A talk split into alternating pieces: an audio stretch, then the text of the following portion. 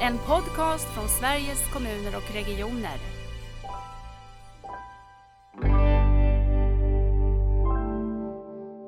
Hej, Lisbeth här. Nu är det sommar och vi hoppas att vi får möjlighet till avkoppling och vila som vi väl behöver. Nära vårdpodden kommer i sommar bjuda på några specialavsnitt som passar både på promenaden och i hängmattan. Det är en härlig blandning av nyinspelat material och, och av gamla godingar. Så varsågod och lyssna till det här.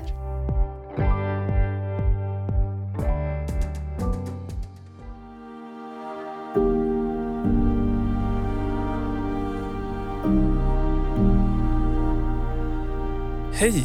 Jag heter Jonas Fagersson och har fått den stora äran att hälsa er välkomna till ett samtal om en antologi som heter Tillsammans för en god och nära vård.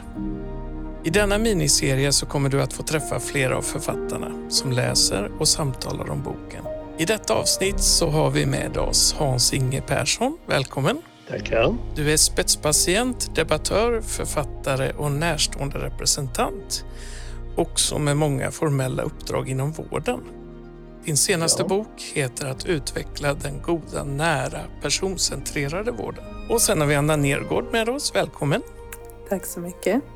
Du är överläkare, specialist i kardiologi och internmedicin. Du är också forskare, tidigare chefläkare och biträdande landstingsdirektör i Stockholms läns landsting.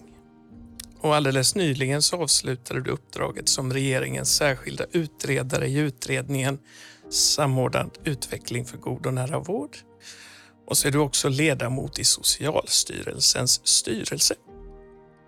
Ehm, Sen har vi med oss Lisbeth Löpare Johansson. Välkommen! Tack! Du är sjuksköterska och samordnare för nära vård på Sveriges kommuner och regioner, SKR. Du är utlånad från din tjänst som utvecklingsdirektör i Region Norrbotten och du har tidigare arbetat med, som vårdstrategisk chef på Vårdförbundet. Du har också varit primärvårdschef och kvalitetsansvarig för Hermelingruppen och du har också varit expert i flera statliga utredningar på vårdområdet. Och sist men inte minst, varmt välkommen till Bodil Jönsson. Tack. Du är professor emerita i rehabiliteringsteknik, fysiker, författare och tidstänkare. Du har skrivit många böcker och den senaste du skrev tillsammans med Åke Åkesson den heter ju Tid för tillit och trygghet. Precis. Och därför känns det väldigt tryggt att få lämna över ordet till dig Bodil. Varsågod. Och jag tänkte börja med att säga att nu blir det faktiskt Hans Inge som får vara först ut bland författarna. Och det är inte för att du och jag har varit redaktörer tillsammans utan det är för att ditt kapitel kommer allra först. Så om du vill välja ut någonting på tre minuter Hans Inge, ur- om allt det du skriver, vad skulle du ta då? Ja, eh, mitt kapitel heter Det finns bara vägar framåt. Och med det vill jag visa hela antologins anda och optimism inför den goda och nära både vård och framtid som nu möter oss. Men så vill jag samtidigt som övriga författare påpeka att det här kommer inte att gå av sig självt. Så i mitt kapitel sätter jag fingret bland annat på relationen mellan vården och omsorgen å ena sidan och medborgarna å andra. Och att det måste byggas en relation, ett vi tillsammans kan vi säga, mellan mig och den jag möter som representerar hälso och sjukvården eller omsorgen. Och det viktiga i den relationen det är ju att ingen kan vara utbytbar. Så då kan det inte vara så att jag vid olika tillfällen finner att den som jag har försökt bygga tillit till har blivit utbytt av någon annan av samma sort. Och likaså menar jag i mitt kapitel, mitt kapitel att i framtiden så ska ju all vårdens och omsorgens kompetens stå till mitt förfogande. Och då måste jag ha en person som håller ihop alla dessa tvärsektoriella kompetenser åt mig. Och att det faktiskt ska ske så smidigt att jag inte ens märker att det är någon som jobbar med det.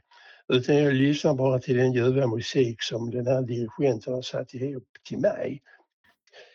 Um, kanske jag ska läsa ett litet avsnitt eh, Mm. ur kapitlet och då väljer jag det sista stycket som heter relationer. Mm. Den som är nära dig kan aldrig vara utbytbar. Om man är nära varandra har man byggt upp ett vi tillsammans. Vården och omsorgen behöver då ha ett slags dubbelseende i vilket vare sig den berörde eller de själva är ansiktslösa. Med dubbelseende menar jag att kunna se både patientens diagnos och se människan som har en diagnos.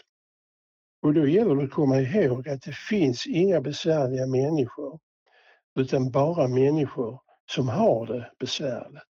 Du Hans-Inge, eh, vi har pratat mycket med varandra men inte förrän jag förberedde den här podden så tänkte jag på bilden efter ditt kapitel. Den visar två människor som står och spanar tillsammans. Och då tänkte jag, den vård som ni mötte, vad gjorde den med Kristinas och din relation?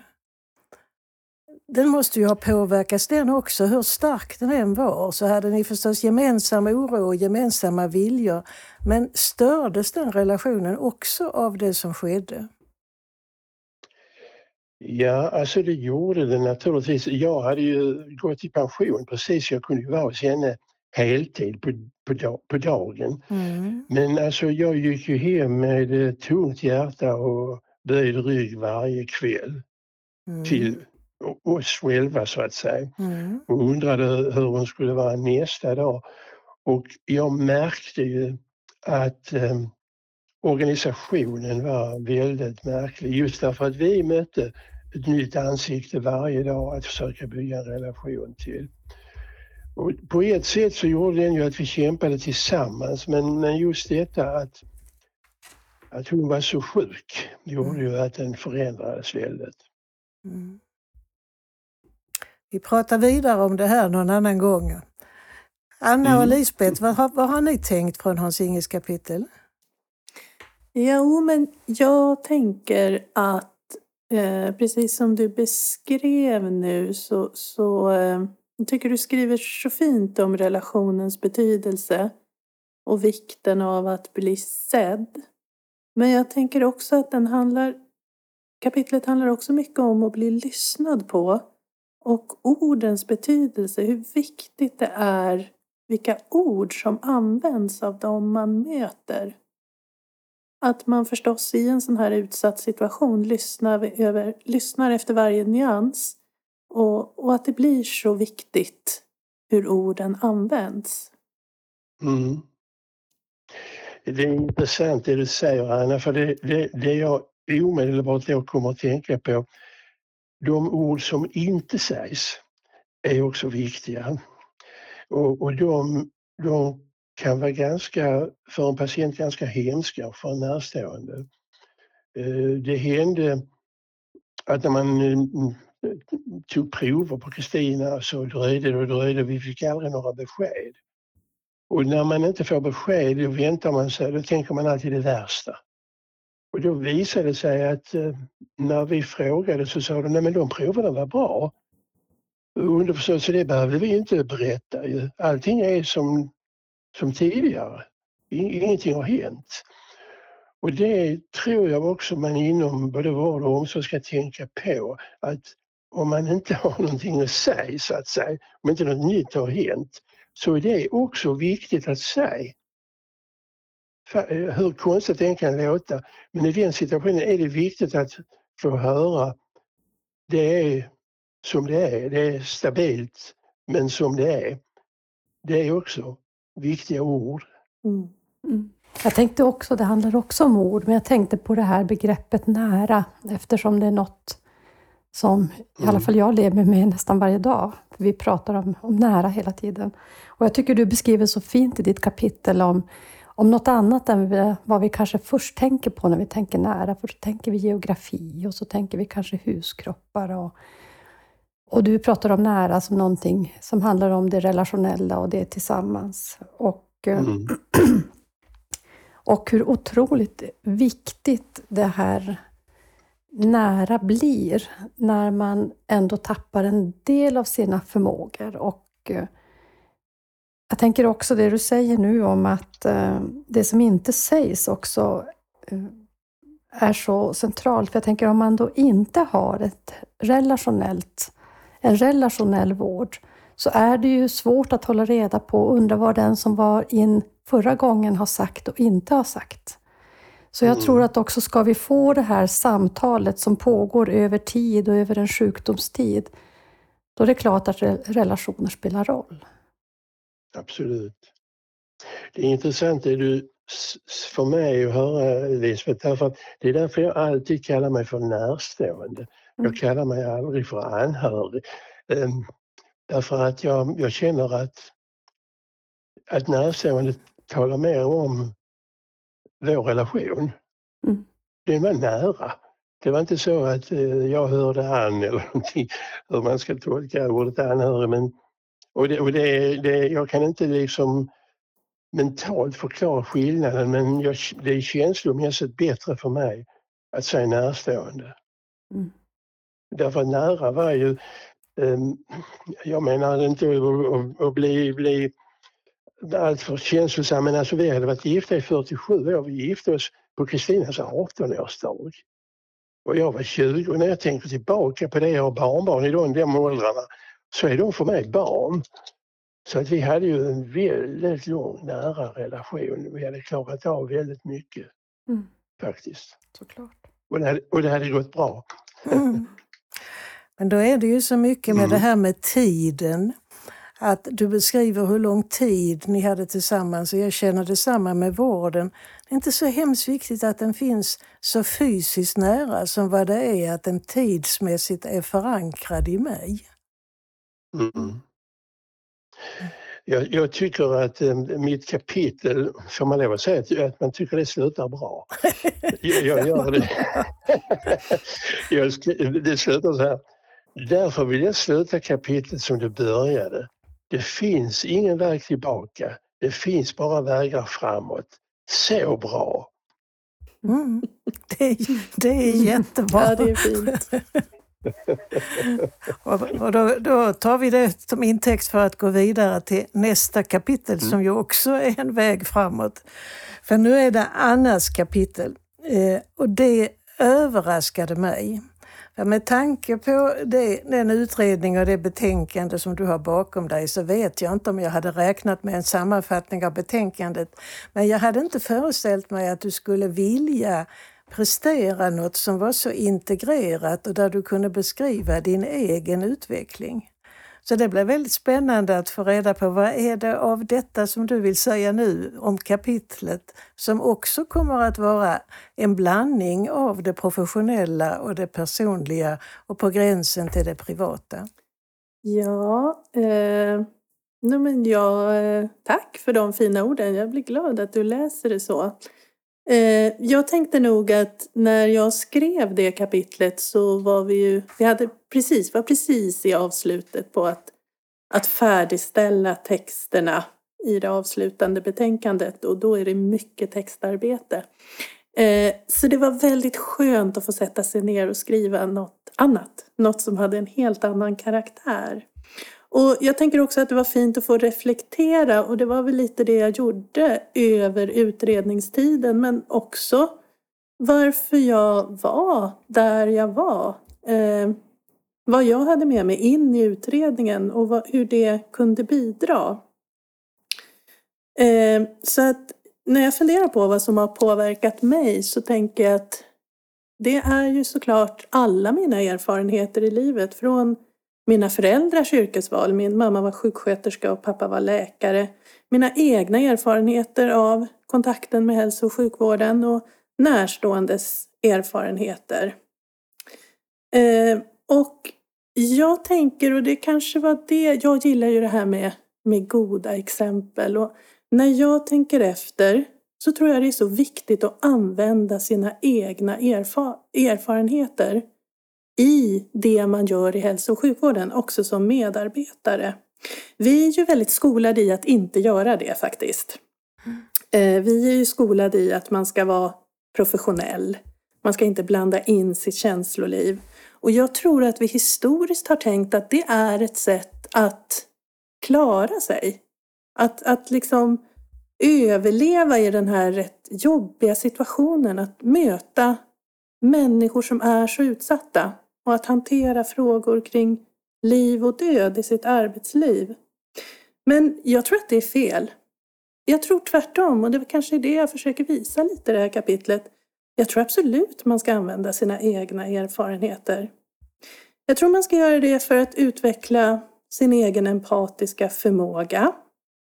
Men jag tror till och med att det är viktigt att göra det för att riktigt kunna bottna i sin yrkesroll.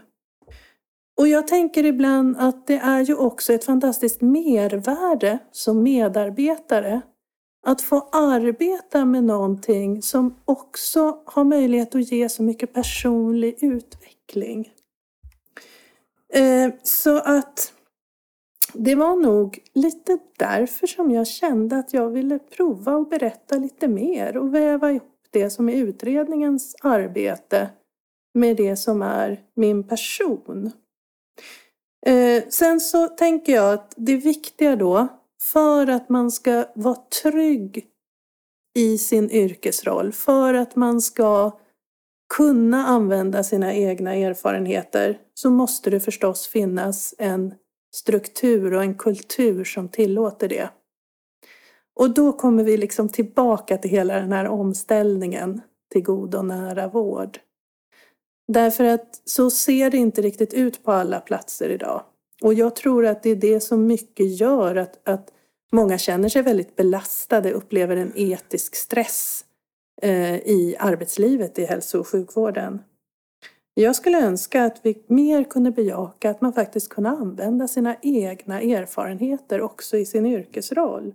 Att vi skulle uppmuntra det och att det fanns en struktur och en kultur som också gör att man känner sig trygg i att göra det. Mm.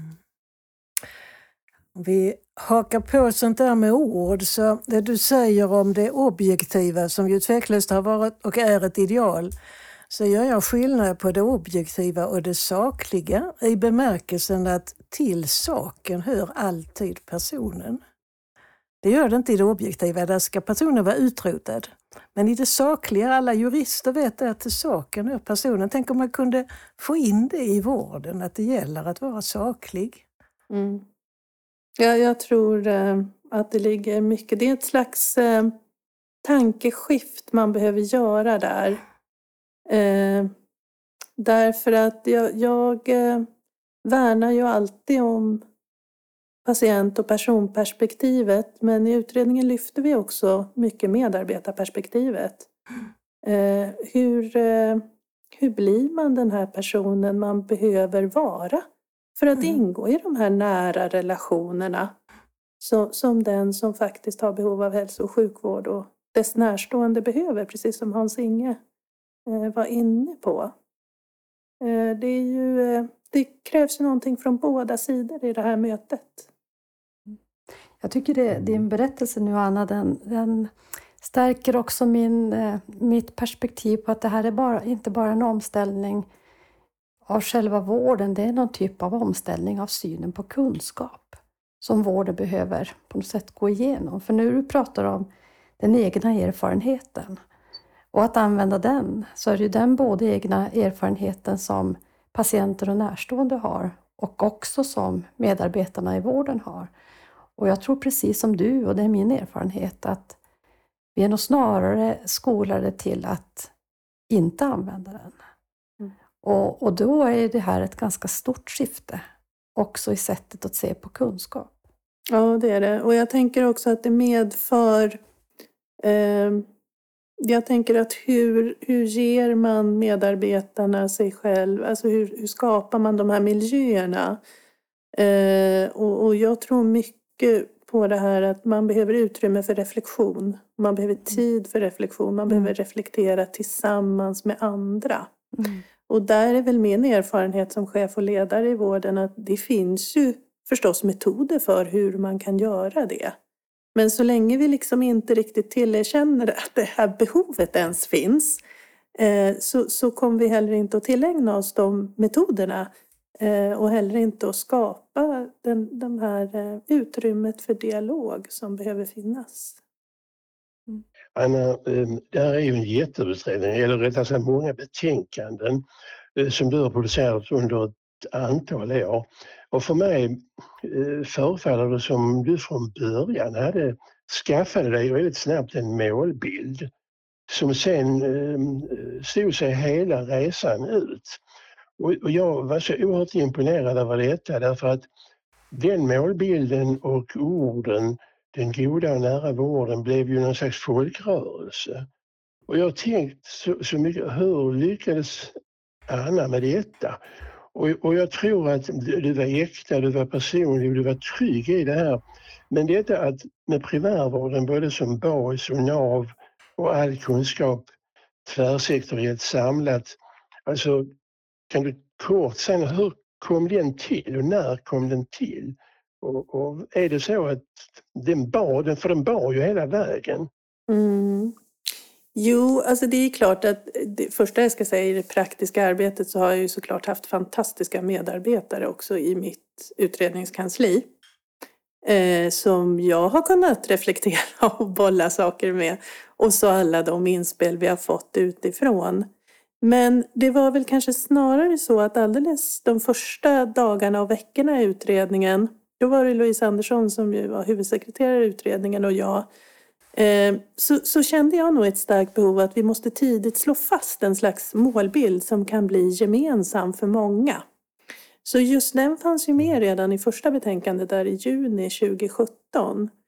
Och jag tror kanske att själva uttrycket god och nära vård, jag har kvar det första kollegieblocket, där vi, vi satt och vände och vred på orden, hur vi skulle få ihop de här begreppen. Eh, själva paketeringen av begreppet och det som kommer bli målbildstexten, den gjorde vi då och den gjorde vi tillsammans med andra. Men jag tror att den kom sig såklart av alla mina erfarenheter, precis på det sättet. Allt man har med sig. Där jag under många år i hälso och sjukvården, både som medarbetare och chef, verkligen eh, tyckte att min insikt var just den här att man behöver samverka mycket mer än man traditionellt har gjort. Och att just den här hälso och sjukvården nära människor, primärvården, har verkligen en nyckelroll. Och att interprofessionell samverkan, samverkan mellan olika professioner i vården och förstås samverkan mellan vårdens medarbetare och personen, patienten. Eh, ja, det är nog så att de tankarna hade jag med mig in redan från början. Eh, och mm. de formulerade vi i målbildstexten och i begreppet god och nära vård. Och sen så eh, är det ju många som har fått vara med och bidra och fylla det här med allt mer innehåll. Mm. Får jag runda av det här med en fråga där jag faktiskt märker ord. God och nära vård tror jag är fantastiskt bra att ni landade i, men jag studsar på att utredningen heter Samordnad utveckling för god och nära vård. Om du istället hade skrivit, du själv säger inte det, du säger samverkan. Och då tänker jag att i så fall så skulle det ju hetat samverkande utvecklingar för god och nära vård. Det skulle handlat om hur Hans-Inge och Kristina utvecklades tillsammans, hur vårdpersonaler utvecklades kollegialt i, i förhållande till sina patienter. Men jag kan också se framför mig att ett betänkande med ordet samverkande i rubriken skulle inte tas lika väl upp som om det var samordnat. Men nu vill jag fråga dig här, vad menar du egentligen med samordnad?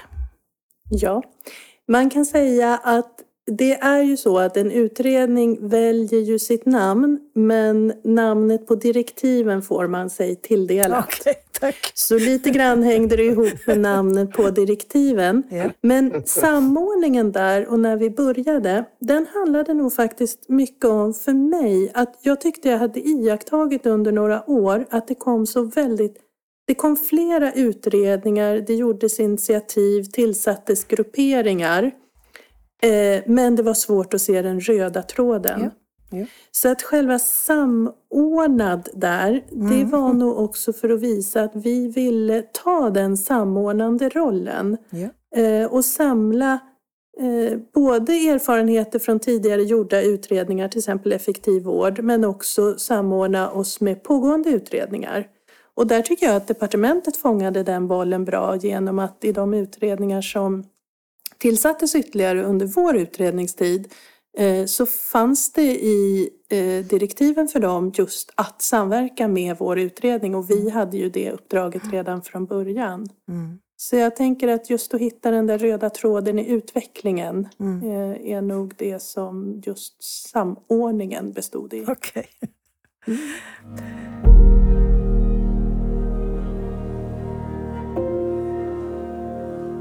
Lisbeth, vi har kommit nu halvvägs genom den här podden och därmed så har vi, vi ett långt skutt för nu är vi på bokens näst sista kapitel. Vi har valt här att ta upp de två första och de två sista. Och det är ditt. Och vad vill du främst börja med att lyfta upp? Jag tror jag börjar med att läsa lite från eh, mitt kapitel. Mitt kapitel heter Ett skifte vi gör tillsammans. Eh, men den text jag lyfter upp den handlar mycket om egen erfarenhet också. Eh, för år 2020 blev inte bara det första året som jag på heltid fick ägna mig åt samordnarrollen för nära vård. Det blev också det år när jag miste båda mina föräldrar. Att färdas mellan den professionella rollen och rollen som närstående blev en källa till reflektion. Som närstående upplever jag tydligt hur viktig den relationella delen av vården är för hälsan. Och nu senast i vården av min mamma som fick en svår neurologisk sjukdom. Vissa saker i vården fungerade inte alls, trots att jag om och om igen kunde påtala insatser som jag visste att hon hade rätt till. Men andra saker fungerade helt fantastiskt som den kommunala hemsjukvården. Redan innan mamma blev riktigt dålig så blev hon inskriven där för att de skulle lära känna varandra. Kontaktsjuksköterskan Linda var sedan fenomenal på att skapa trygghet. Hon cyklade förbi och tittade till mamma när hon var i krokarna. Kollade hur rosslig mamma var och om hon kanske behövde, med, behövde något litet hjälpmedel. Hon ringde mig någon gång i veckan för att höra hur jag hade det och om jag behövde stöd med något. Hon hade god kontakt med läkaren på hälsocentralen och med arbetsterapeuten och fysioterapeuten och förmedlade kontakt när det behövdes. Och skulle Linda åka bort så var hon noga med att berätta det och då ringde någon av hennes kollegor istället. Och de här insatserna var inte tekniskt avancerade eller särskilt tidskrävande, men de byggde på stor professionalism och betydde otroligt mycket för mammas hälsa. Hon kände sig trygg i sin hemmiljö och behövde inte åka in och ut på sjukhuset. Och hon kunde fortsätta laga mat och bjuda på middagar, även om hon inte längre kunde äta själv. Och hon fick vara den hon var under en värdig sista tid. Och jag vill med mitt kapitel eh, berätta några berättelser som jag har hunnit vara med om bara under det här första året som samordnare. Och det vill jag därför att eh, jag tror att berättelser har en väldigt stor potential och kraft nu när vi ska göra någonting som är så stort som en hel omställning av ett hälso och sjukvårdssystem. Eh, att, både att berätta det som händer i mötet mellan patienter och brukare och närstående och, och hälso och sjukvård, att det faktiskt sker någonting tycker jag är jätteviktigt. Men kapitlet handlar också om, det handlar om att hälsa, att jobba med hälsa, att det är, precis som Hans Inga tagit upp, en relationell verksamhet och att vår förmåga att anpassa våra tjänster efter personens behov och, och dess förmågor är så himla central. Och eh, att vi förmår att vända det här perspektivet och ställa oss i patientens perspektiv och jobba tillsammans med dem snarare än, än åt dem, om man säger så. Men också tänker jag att det handlar om att den nära vården kommer att växa fram på väldigt olika sätt. Att det är det personcentrerade som, som är basen, men lösningarna är anpassade utifrån be, olika behov och lokala förutsättningar. Den kommer att växa fram både olika men ändå lika. Och jag tror också att det är viktigt så att vi inte tror att det är en lösning vi ska se framför oss, utan jag tror det kommer att vara många lösningar och då kommer det att bli riktigt bra. Så berättelser är ju, alltid spännande för berättelser handlar ju om sammanhang. Det är ingen slump mm. att barn vill ha sagor för de vill ju ha reda på hur går det då? Hur hänger det mm. ena ihop med det andra? Varje enskild detalj kan man se. Därför så tror jag också att det är viktigt även i officiella sammanhang att vara noga med berättelser berättelser som exempel.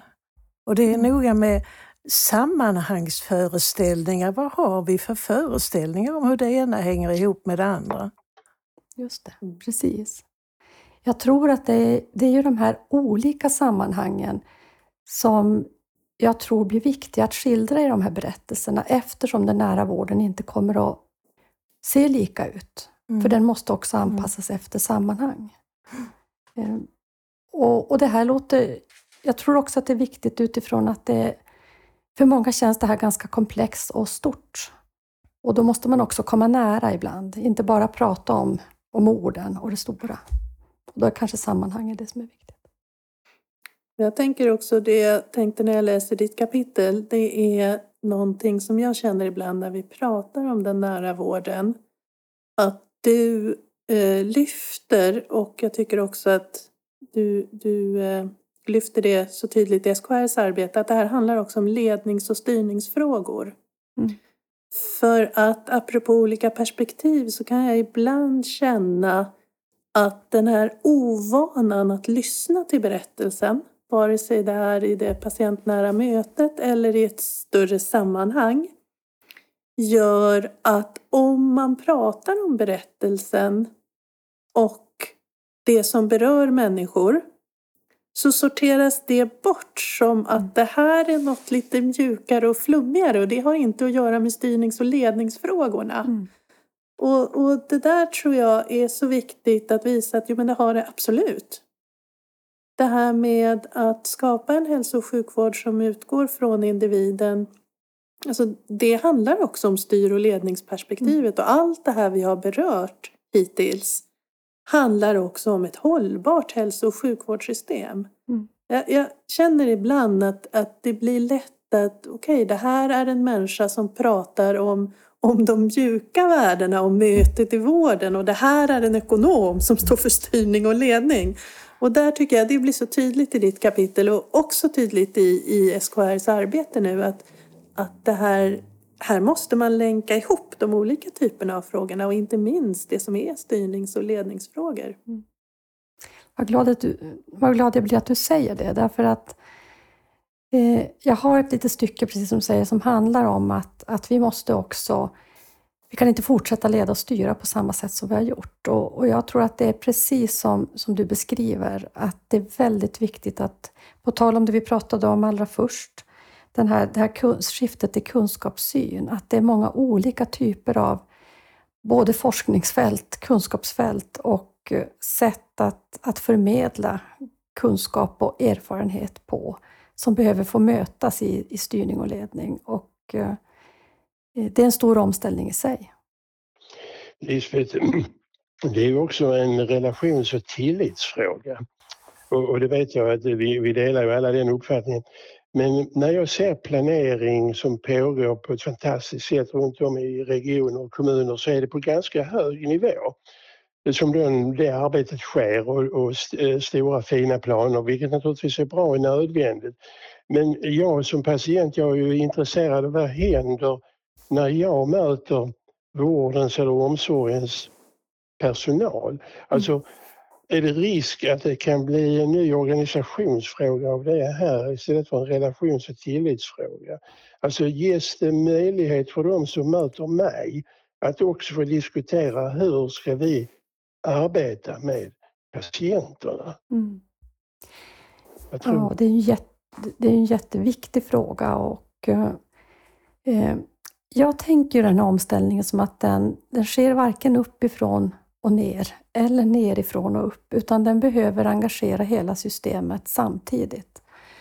Och eh, det är ju jätteviktigt att det här bär på politiskt håll eh, så för att det här ska hålla. Och eh, jag är också väldigt glad att vi har skapat en ledarskapsutbildning där man kan få vara med och reflektera kring hur man leder och styr på, på nya sätt. Och när vi öppnade upp den för, för förtroendevalda i vår så fick vi direkt 200 förtroendevalda som anmälde sig och sa jag vill bli mer klädd, jag vill kunna prata om det här, jag vill kunna fatta rätt beslut. Och det tror jag är jätteviktigt och det är ju hög nivå, ledningsnivå.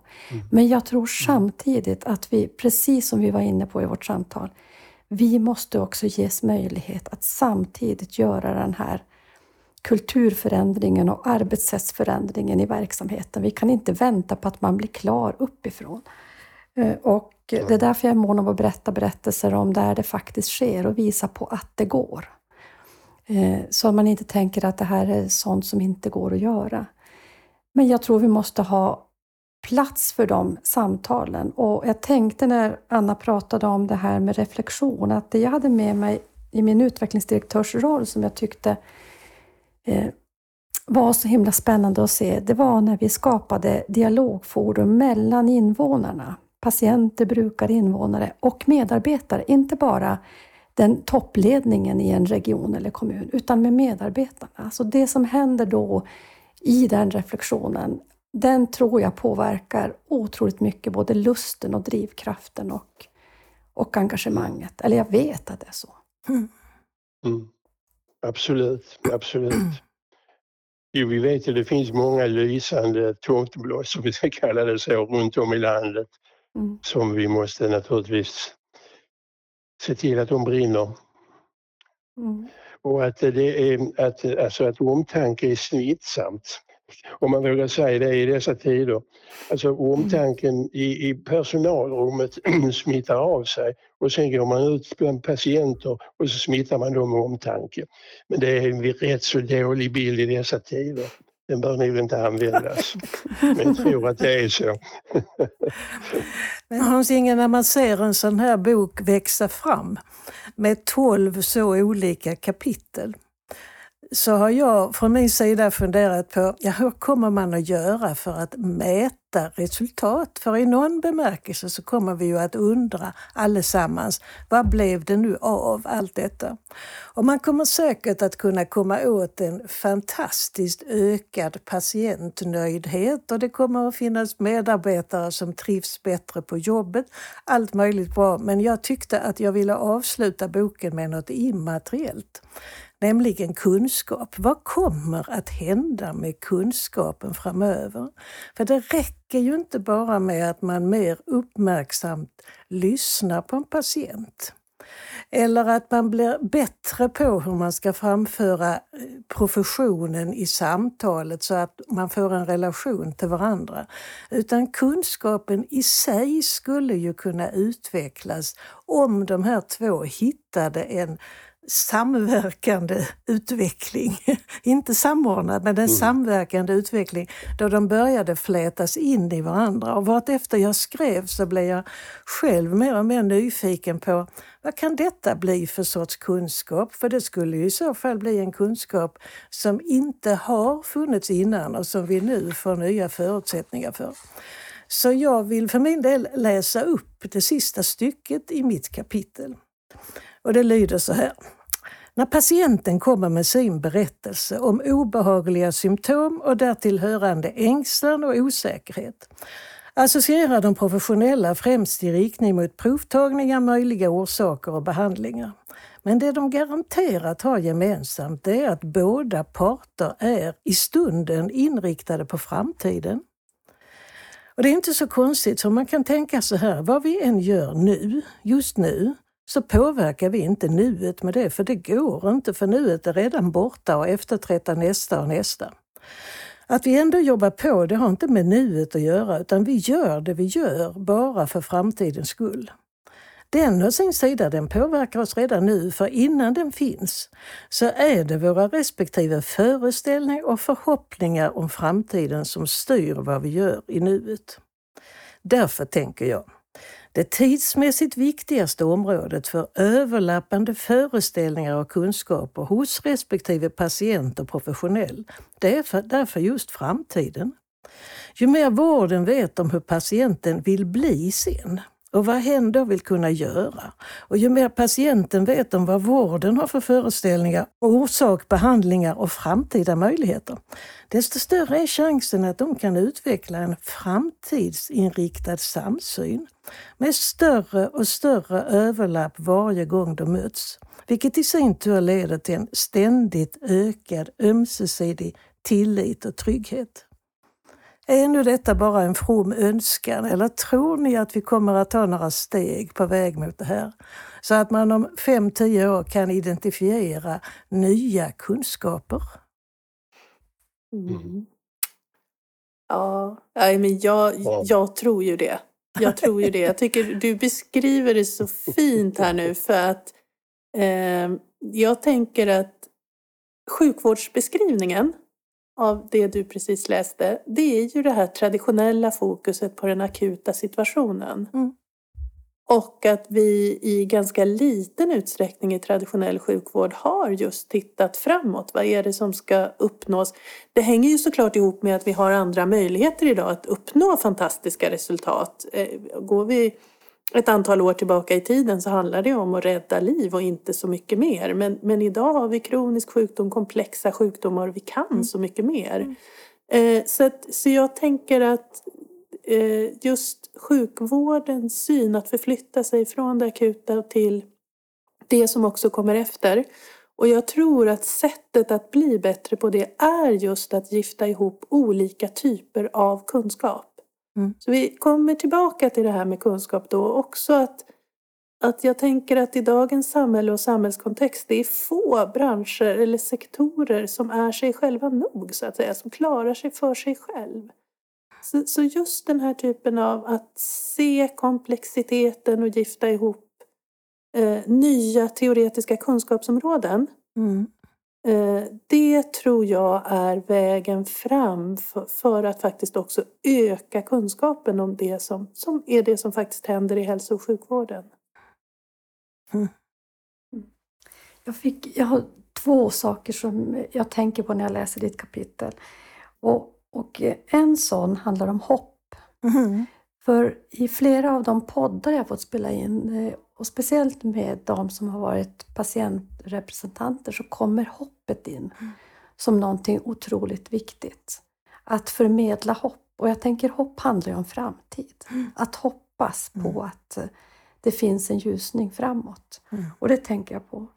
Sen tänker jag på någonting mycket mer konkret som har slagit mig de kanske senaste veckorna när jag har pratat mycket om patientkontrakt och, och de sakerna. Och, och Eh, jag tänker att patientkontraktet kanske är den här framtidsplanen.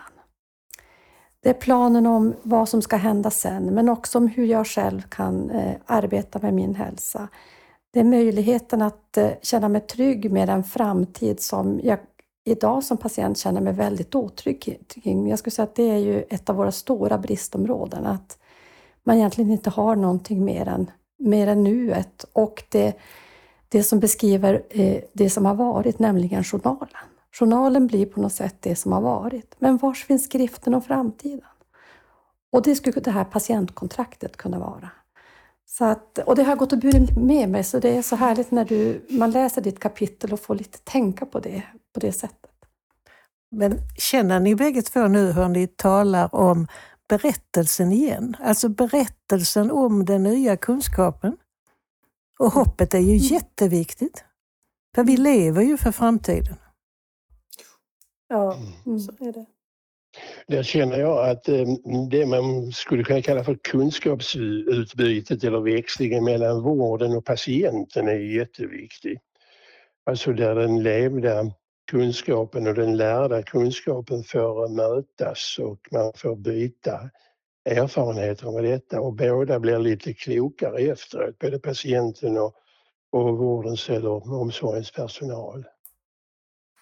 Mm. Mm. mm. Och samtidigt är det ju något, något annat än addition mellan dessa båda, att man i bästa fall kan lyssna uppriktigt på varandra. Och då tänker jag att man blir mer mm. jämställd om man pratar framtid, för där har ingen av oss varit. Så kan vi komma åt varandra med våra respektive förhoppningar, Lisbeth, om framtiden så skulle det ju kunna vara mm. rätt ställe att mötas för. Nu får du sluta av det här Jonas, så vi kan hålla på hur länge som helst. Ja, ja, ja, tack så mycket. Det är ju fantastiskt för mig och för lyssnarna att få sitta och, och lyssna på det här resonemanget.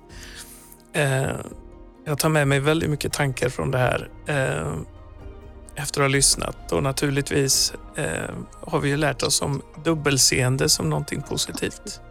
Det är det ju inte alltid. Eh, om vikten av med orden som inte sägs och om att få stå varandra nära och inte kanske höra an bara.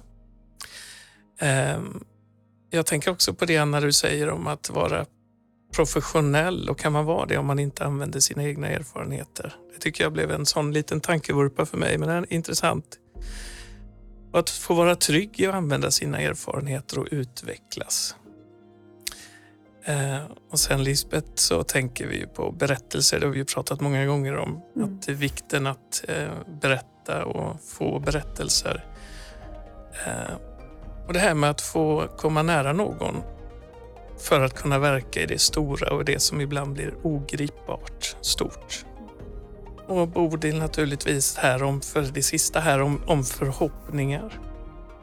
Och eh, berättelsen om den nya kunskapen.